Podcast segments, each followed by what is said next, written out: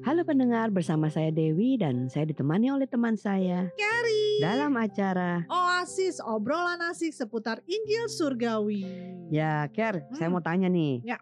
Kalau misalnya kita itu dengar berita-berita tentang kejahatan lah, kekerasan lah, Hmm. begitu eh, apa eh, apa yang mereka lakukan itu sangat men- menakutkan dan Ya. kejam banget gitu, seperti bom bunuh diri lah Hmm. gitu.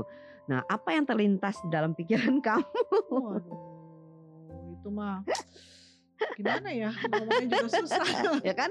Nah, pasti kalau saya itu kan jadi yang terlintas itu sepantasnya lah orang itu dihukum, Oh, hukumannya seberat-beratnya. ya, itu Tidak pasti. perlu dikasihani Hmm, ya kan? Benar, benar. Nah, ya wajar kan memang semua orang berpikir begitu kan. Orang jahat ya dihukum, Betul. orang baik ya dikasih hadiah, Benar. ya kan? Hmm. Nah, menurut kamu bagaimana tiba-tiba kalau mereka itu bertobat, ya kan? Apakah mereka layak untuk diterima dan dimaafkan? Hmm. Nah, kejadian ini persis ada di dalam kitab Yunus loh.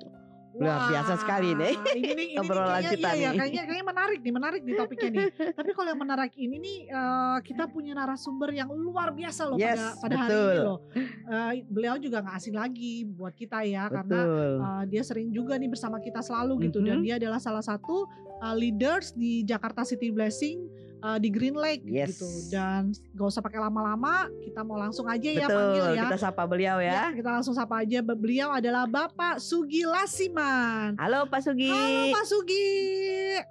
Halo, halo Bu Keri, halo Bu Dewi. Halo apa kabar nih Pak Sugi nih?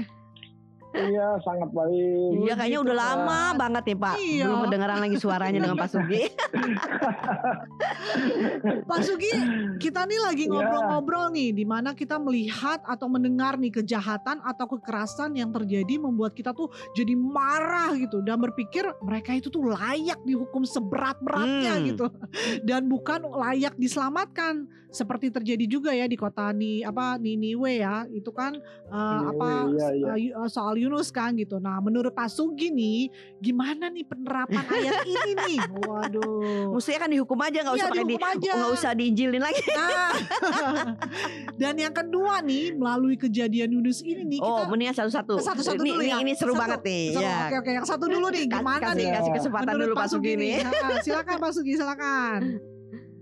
Iya, ya. Kadang-kadang kita tuh kalau ngeliat orang gitu jahat banget, kita tuh kesel gitu ya, sebel gitu ya. Ah, sebel dihukum aja Tapi kan- gitu. Iya, kita udah main hakimin aja. Kalau bagian kita yang salah, kalau kita bagian kita yang salah, yang jahat sama orang, kita mohon kasih karunia Tuhan gitu kan. iya iya iya iya benar benar benar benar benar. Mohon pengampunan. Iya iya benar Jadi benar. saya saya melihat ini ya kejadiannya sama sama Hmm. apa eh, cerita yang Di apa ya? kisah tentang Yunus gitu. Hmm. Ya Yunus juga gitu. Kalau kasih karunia kalau buat dia tuh boleh-boleh aja gitu. Hmm. Wah, malah dia tahu bahwa dia tuh perlu tentang kasih karunia, betul nggak? Ya betul. Perlu dengan kasih karunia. Tapi Betul. kalau buat orang yang dia lihat, wah Niniwe ini Nggak mau dia. jahat ini, nggak, iya, nggak boleh, nggak layak Iya, dikasih iya. kasih karunia nih. Iya. Kasih karunia itu boleh hanya cuma buat Yunus atau buat bangsa Israel aja dia Ah, pikir. Iya iya. Kalau buat iya. orang lain yang yang berbuat jahat gini jangan. Tapi Tuhan kan nggak seperti itu. Gitu. Nah, Iya. Jadi eh, sebenarnya Yunus juga tahu tentang tentang bahwa Tuhan itu Allah yang penuh kasih gitu. Hmm. Jadi eh, kita kan eh, ini kita langsung aja kasih ayatnya karena kalau kita ngomong soalnya gini eh, pada saat itu eh, tentang Niniwe Tuhan mengutus Yunus ke Niniwe, hmm, Iya. tapi Yunus tuh menolak gitu. betul. Betul. Kalau selama ini kan kita bilang wah Yunus nggak taat nggak apa, tapi yang saya lihat bukan seperti itu. Nanti kita bisa pelajari ya. Hmm. Oke. Eh, tapi yang yang yang pertama udah kelihatan Yunus tuh nggak mau bahwa Tuhan mengampuni Niniwe gitu. Hmm. Yunus nggak rela kalau Tuhan Tuhannya orang Israel mengampuni Niniwe karena Niniwe ini salah satu bangsa yang yang menjadi musuh orang Israel. Oh. Ya dia tuh isinya isinya orang-orang Asyur. Itu salah satu eh, musuh orang Israel gitu. Iya. Kok udah perang sama Israel, eh, sampai Israel juga mungkin beberapa kali dikalahkan gitu tapi kenapa Tuhan sayang sama dia mau ngampuni orang ini weh terima ini dia. yang membuat Yunus ini nggak terima Iya. mana bisa terima gitu ya Eh, terus eh, tapi akhirnya kan Yunus di diutus. Ya, ya kita semua rata-rata udah tahu lah dari kita sekolah minggu juga dulu ya. Orang bilang Yunus nggak mau terus di, di karena nggak mau di, diperintahkan Tuhan ke Niniwe dia tuh dimakan ikan gitu betul Iya. nggak? Nih Pak Sugi, iya. Pak Sugi, sebelum Ya. kita masuk ke situ, eh, bagaimana kita melihat hidup kita itu kan Pak Sugi bilang kita juga begitu ya.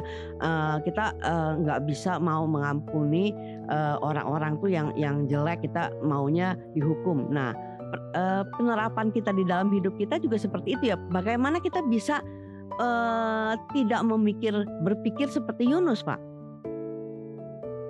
iya gini harusnya kita sadar bahwa kita pun uh, sebenarnya orang yang nggak layak diampuni Hmm, betul betul. orang yang nggak layak dikasih Wow. Tuhan gitu Hmm. ya eh, dan kita pun selalu diampuni Hmm, kita nggak sadar Nah, aja ya Pak ya. bisa nggak sadar berapa kali ibu salah dalam sehari Iya, Hmm. iya, iya. berapa kali kita eh, dalam sehari dalam seminggu dalam tahun dalam sebulan gitu berapa Hmm. kali kita melakukan kesalahan apa kesalahan dan ketidaktaatan Iya. eh, dalam melakukan perintah Tuhan Iya. Hmm, iya iya iya. ya Nah kita kita kita betul kita betul mikir-mikir jelek sama orang aja itu udah udah nggak benar kan betul Betul. betul. belum melakukan sesuatu secara fisik secara pribadi gitu ya Iya. Hmm. ya kita ngomong bisik-bisik di belakang orang aja tentang ah ini Kerry ini orangnya gini-gini gitu ya Kerry ini orang gini-gini ya dibilang tapi Hmm. ya itu pun udah suatu Betul. dosa ya dosa dosa kan kita nggak ada dosa kecil nggak ada dosa Betul. besar betul. yang namanya dosa ya dosa Iya. Nah kita Pak membenci mau betul berarti lu- eh, Yunus itu berpikir dia ini yang layak untuk diampuni, tetapi kalau orang Niniwe nggak layak, Karena jadi terlalu dia berat. terlalu berat karena perbuatannya gitu ya. Jadi eh, eh, Yunus itu melihat perbuatan untuk bisa diampuni atau tidak gitu ya Pak ya? Iya mungkin eh, si Yunus ini berkata eh, kalau aku kan melakukannya nggak seperti orang Niniwe, Sejahat aku nggak membunuh gitu kan, iya aku nggak berzina gitu Iya, kan, iya, iya, jadi aku masih masih boleh lah layak diampuni. Iya, kalau orang iya. kayak Niniwe kan enggak. Tapi kan kenyataannya kita kan bicara soal kasih karunia. yes. Betul, Mana ada orang yang layak? betul. Kalau orang itu layak diberi ampun, layak diberi sesuatu yang yang menurut menurut eh, apa namanya kayak pengampunan. Kalau kita layak namanya bukan kasih karunia lagi dong, betul nggak? So Hmm. true. Betul, betul, betul. Justru kalau kita nggak layak terus dikasih pengampunan, itulah namanya kasih karunia, Betul. Hmm. betul nggak ya? Oke, Betul. good, good. Lanjut Pak, lanjut. Ya, jadi, nah sebenarnya waktu saat Yunus menolak perintah Tuhan ke Niniwe. Niniwe, Mm-mm. ini pun sudah merupakan suatu ketidaklayakan buat Hmm. Yunus untuk menerima cinta kasih Tuhan sebenarnya. Hmm. Ya, kita tahunya Yunus nggak taat lah. Dia diperintah Tuhan apa pun sebabnya dia nggak mau gitu. Iya. Jadi menolak perintah Tuhan gitu. Iya. Betul nggak? Dia bukannya menolak, bukan bukan hanya menolak, tapi dia malah lari menjauh dari Tuhan. Betul. Wah, berani sekali dia bisa menolak Tuhan, Pak. iya, dia dia dia menolak perintah Tuhan, bukan hanya menolak, tapi dia lari lebih jauh Iya. berlawanan arah. Betul nggak? Betul. Betul. Eh, tapi eh, akhirnya dia juga tahu gitu ya. Akhirnya dia nanti akan tahu bahwa berapa cepat pun kita lari menjauhi Tuhan, Tuhan tuh pasti lebih cepat mengejar kita. Amin. Betul.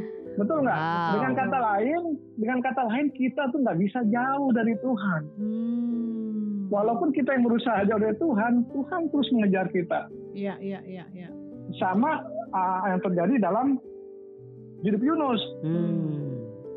Sampai Yunus terus akhirnya ah, naik kapal menjauh dan singkat cerita ah, ada gelombang di laut terus dia nyemplung apa di- dilemparkan ke laut gitu. Hmm. Iya.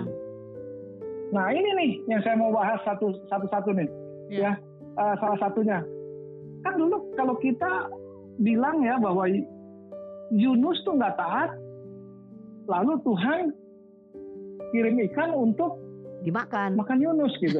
Iya. Iya. Tapi kenyataannya bukan gitu. Oh, Kenyataannya bukan gitu. Ya, eh, ini kalau kita membaca Yunus di pasal 1 kita udah tahu udah ceritanya ya semua ya rata-rata apa maksudnya udah sebagian besar orang tahu bahwa Yunus eh, naik kapal terus eh, kapalnya ada gelombang terus dia di, di- dilempar ke laut gitu. Iya. Nah, nah, eh, eh, saya mau bacakan di pasal 2 aja biar bisa lebih cepat soalnya 15 menit takutnya nggak keburu nih. Ya, ya. Ya. Nah, ini pasal 2 ini isinya lucu nih. Isinya yang menarik ini adalah isinya adalah doa Yunus. Hmm. Doa Yunus di eh, ayat 1 sampai 4 ya. Eh, boleh saya bacakan Bu? Bisa, bisa silakan. Yunus 2 ayat 1 sampai 4 berdoalah Yunus kepada Tuhan Allahnya dari dalam perut ikan itu. Nah, dia nih waktu di apa di di pasal 1 ayat 7 itu dia dimakan ikan kan? Mm-mm. Iya.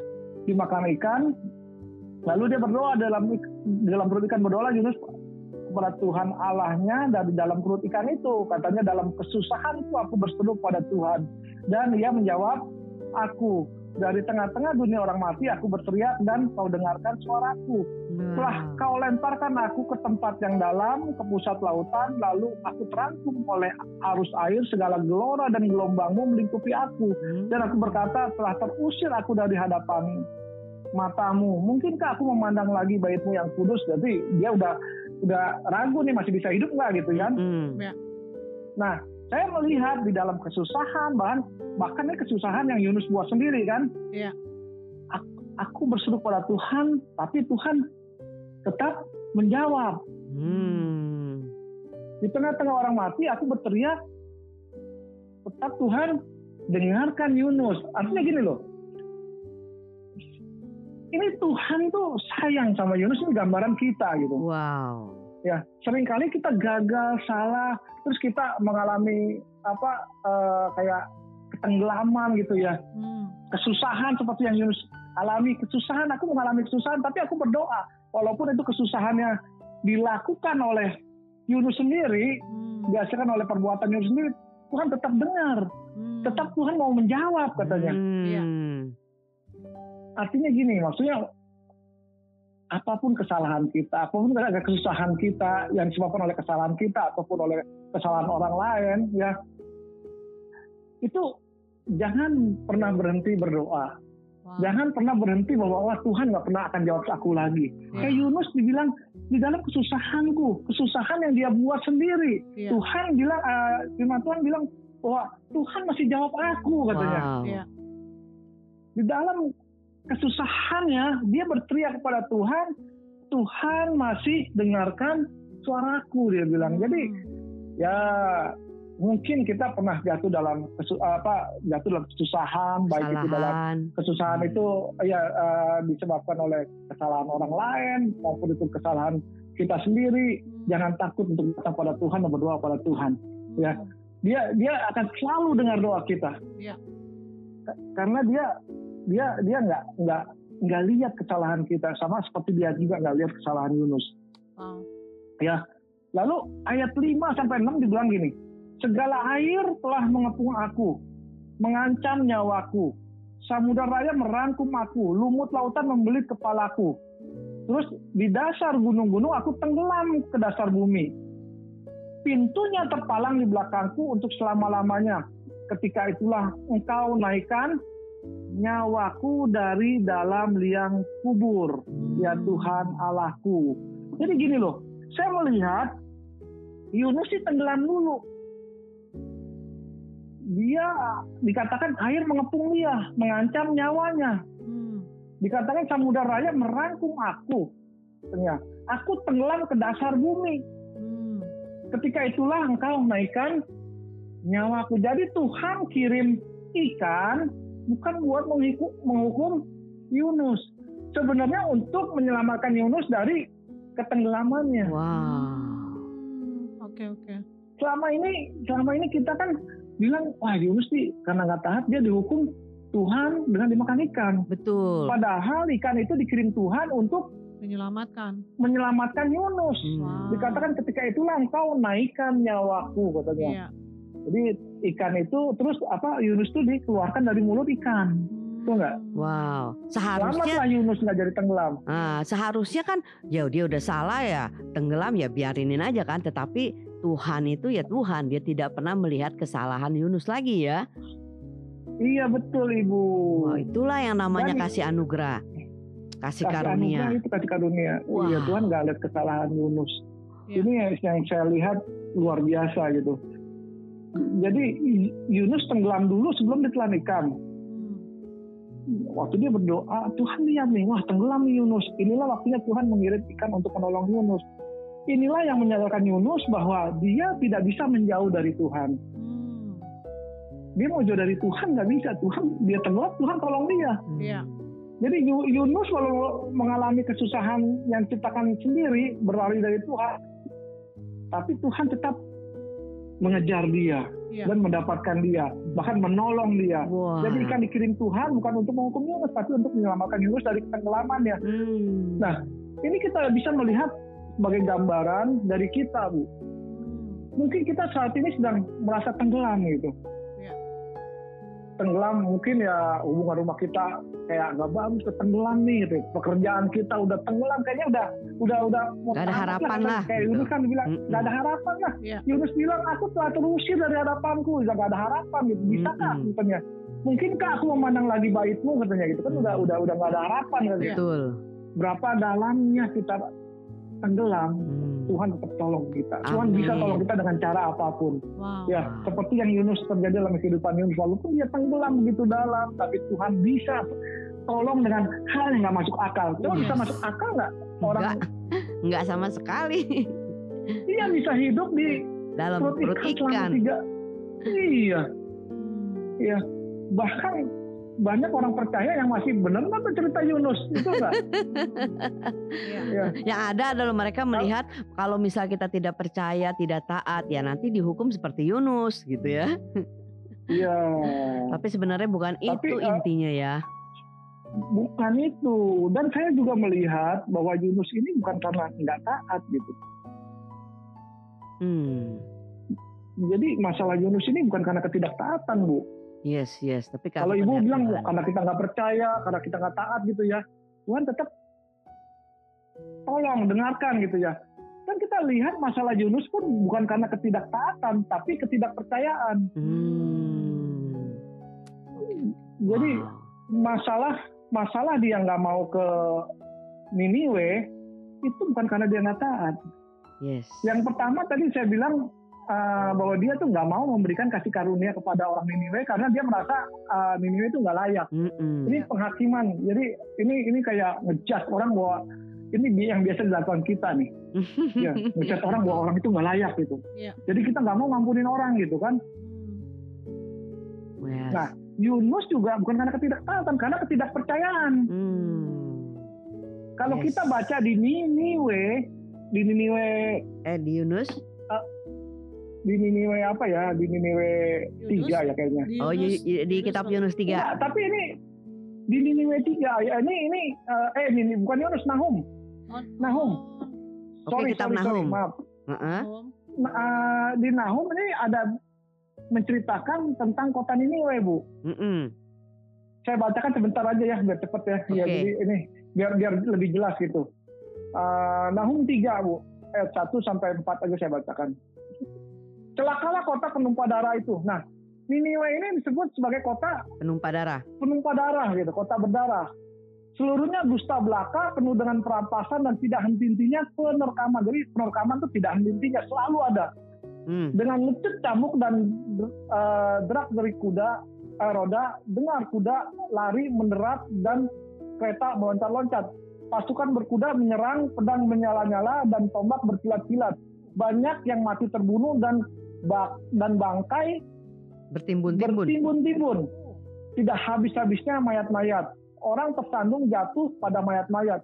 Nah, ibu pernah nggak tersandung mayat sampai jatuh?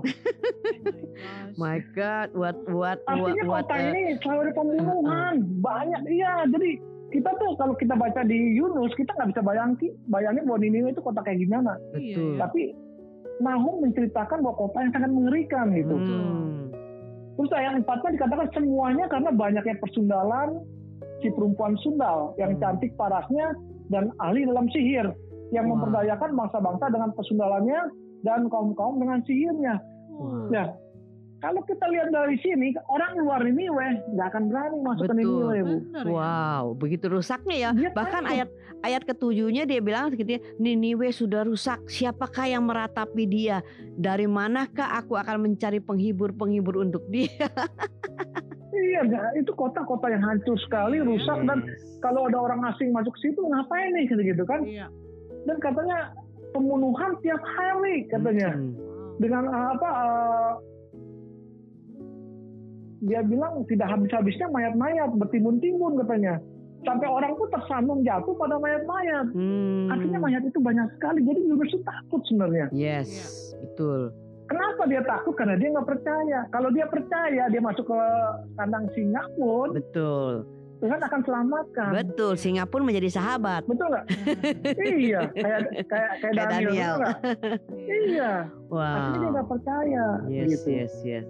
Yes. Jadi kita kadang-kadang kita juga suka menghakimi si Yunus nih. Mm-mm. Ah Yunus orang nggak percaya nih, itu orang nggak taat nih gitu ya. Mm-mm. Padahal dia takut sebenarnya bu. Iya. Takut. Iya. Wow, luar Nah, biasa takut sekali. itu ditimbulkan dari karena ketidakpercayaan dia. Hmm. Kalau dia percaya, dia pasti berani. Amin. Jadi kita Makanya dia waktu disuruh disuruh Tuhan ke Niniwe dia bilang, aduh lebih baik aku mati aja deh kata dia. Iya ya. betul. Nah, Iya, jadi mungkin baik aku mati aja daripada aku sana. kalau kita ngelihat dari dari latar belakangnya kota Niniwe kan memang memang eh, bisa lebih memahami apa yang ditakuti oleh- Yunus ya kan. Nah, tetapi balik Iya, lagi betul, ya Bu. Pak ya. Sekarang kita sudah mempunyai Yesus Kristus yang yang begitu menderitanya untuk kita sehingga sekarang ada hidupnya Kristus yang mana mungkin kita tidak percaya lagi karena sudah dibuktikan di atas kayu Betul, iya. salib dan sudah diselesaikan. Betul. Wow. Iya. Luar biasa sekali, Pak. Eh, Iya. Jadi Jadi berarti sebenarnya gini bu, Heeh. ya, Ya, saya, Pak. saya bisa lanjutkan Pak, Eh, Ibu. Ya, lanjutin. Ah, mungkin s- eh, dipersingkat karena waktunya sudah mepet, Pak. Mepet ya. Ya. Nah, jadi kalau kita lihat di di apa di pasal yang keempat ya. Hmm. ayat 1 sampai 2 eh, ayat 2 jadi Yunus begini Yunus eh, bicara tentang Tuhan. Akhirnya waktu dia melihat apa yang dilakukan Tuhan dia tahu. Ya eh, isi hati Tuhan ya. Dan berdoalah ayat 4 ya Bu eh, pasal 4 ayat 2 ya Bu. Iya. ya di kitab Yunus. Dan berdoalah ya kepada Tuhan katanya ya Tuhan bukankah telah kukatakan itu kepada uh, ketika aku masih di negeriku? Itulah sebabnya maka aku dahulu melarikan diri ke Tarsis. Sebab aku tahu bahwa engkaulah Allah yang pengasih dan penyayang yang panjang sabar dan berlimpah kasih setia serta yang menyesal karena malapetaka yang hendak didatangkannya. Jadi Yunus menyimpulkan pengalamannya bersama Tuhan bahwa Tuhan selalu mencari-cari peluang untuk mengulurkan kasih karunia dan kemurahannya Bu ia tidak cepat menjadi marah, berlimpah kasih setia, dan memilih untuk tidak memberi ganjaran yang patut diterima orang yang berdosa. Malah ganjaran yang harusnya kita terima ditanggung oleh Yesus Kristus di kayu salib. Wow. Ya. Luar biasa. Jadi gini, eh, saya simpulkan aja begini ya. Eh, dari kisah Yunus ini dan Niniwe ini, ini kita berapa menit lagi Bu? Iya, udah udah habis sih, Pak. nggak apa-apa tapi ya Udah terakhir. habis ya? Ya, Ya, langsung saya terakhir. mau Sekali aja lagi deh. terakhir gimana? Dari kisah ini, Yunus dan Niniwe adalah gambaran tentang kita. Hmm. Ya. Hmm. Seringkali kita udah pelayanan, jatuh dalam dosa yang sama, eh, terus kita bilang, saya nggak layak nih, ngapain saya ke gereja dan lainnya Hmm. lagi. Tapi Tuhan berkata, seperti yang Yunus- eh, Tuhan katakan kepada Yunus, layakkah engkau marah akan keadaanmu? Terus Tuhan bilang, aku mengasihimu sebagaimana aku mengasihi Niniwe. Dia nggak pernah pandang kita hina, dia nggak pernah pandang kita nggak layak, Hmm. Ya. tapi dia selalu pandang kita layak karena kasih karunia-Nya Amin. buat kita. Ya. Hmm. Kalau kalau saya melihat gini bu, eh, kalau Tuhan kirimkan Yunus untuk kota Niniwe, Mhm. ya untuk kita, untuk kita semua di sini, Tuhan kirimkan Yesus. Untuk Yes. menyelamatkan kita. Amin. Amin. Uh, Amin. Amin. Luar Wah, biasa. Thank you nih Pak Sugi nih. Luar biasa. Ini kayaknya benar-benar dahsyat juga cerita Yunus ya. Anyway, tapi terima kasih ya Pak Sugi untuk pewahyuannya. Jadi kita dibukakan kembali gitu loh. Betapa dahsyatnya Yes. kasih Tuhan dalam Kasih kehidupan karunia Iya. Tuhan itu luar biasa buat hidup kita ya terlepas Jadi daripada kelayakan-kelayakan yang tidak layaknya kita ya. kita. Kenapa? Kenapa Iya. Pak Sugi? Nah, ya jadi ini maksudnya gitu loh. Nah, sebenarnya kita Yunus kan itu bukan cuma cerita cuma sekedar cerita seorang nabi yang dimakan ikan, tapi Hmm. sebenarnya itu cerita tentang Yesus Kristus yang menyelamatkan kita Yes. Ya. sebagai gambaran gitu. Jadi untuk orang Niniwe, Bapak mengutus Yunus untuk memberita, memberitakan pertobatan untuk eh, kita semua, untuk saya, untuk ibu Te- untuk ibu Hmm. Kori, untuk Iya. ibu Dewi, Bapak mengadu mengadugerahkan anaknya yang tunggal Yesus Wow. Kristus untuk menyelamatkan kita. Lalu dia mati di kayu salib menanggung hukuman atas dosa-dosa kita Amin. dan dikuburkan tiga hari sama Amin. seperti Yunus waktu Yap. itu Yunus di tiga hari di dalam perut ikan Hmm. ya tapi Yunus nggak benar-benar mati nih tapi kalau Hmm. Tuhan Yesus benar-benar mati buat kita Yes. Dan dia bangkit Wow. kembali pada hari ketiga dan Wow. sekarang dia ada bersama kita di dalam kita Yes. amin Amin. Thank you lu. Thank you Iya. banget Pak Thank Sugi you, ya. Pak Sugi. Salam. Tuhan berkati Iya. sampai kita ketemu di next eh, episode berikutnya ya Pak. Oke, God bless iya you. Bu oke terima Bye. kasih God bless bye Ya. Wah, Luar biasa dahsyat. sekali ya. Heeh. Oke, kalau gitu bagi para eh, pendengar setia Oasis jika masih ada pertanyaan atau ingin didoakan silakan menghubungi kami di nomor berapa Ken? 0818 07 488 489 saya ulangi kembali 0 0818 07 488 Dan 489 kita tutup dalam doa. Tuhan terima kasih Tuhan atas kasih setiamu yang Hmm. luar biasa buat kami Tuhan kami diingatkan kembali Tuhan betapa dahsyatnya kasihmu dalam kehidupan kami thank you Lord hanya di dalam nama Tuhan Yesus Amin. Sampai berjumpa di episode Oasis berikutnya. Jika Anda yang mendengar dan diberkati, silakan share kepada teman-teman Anda lainnya. Amin.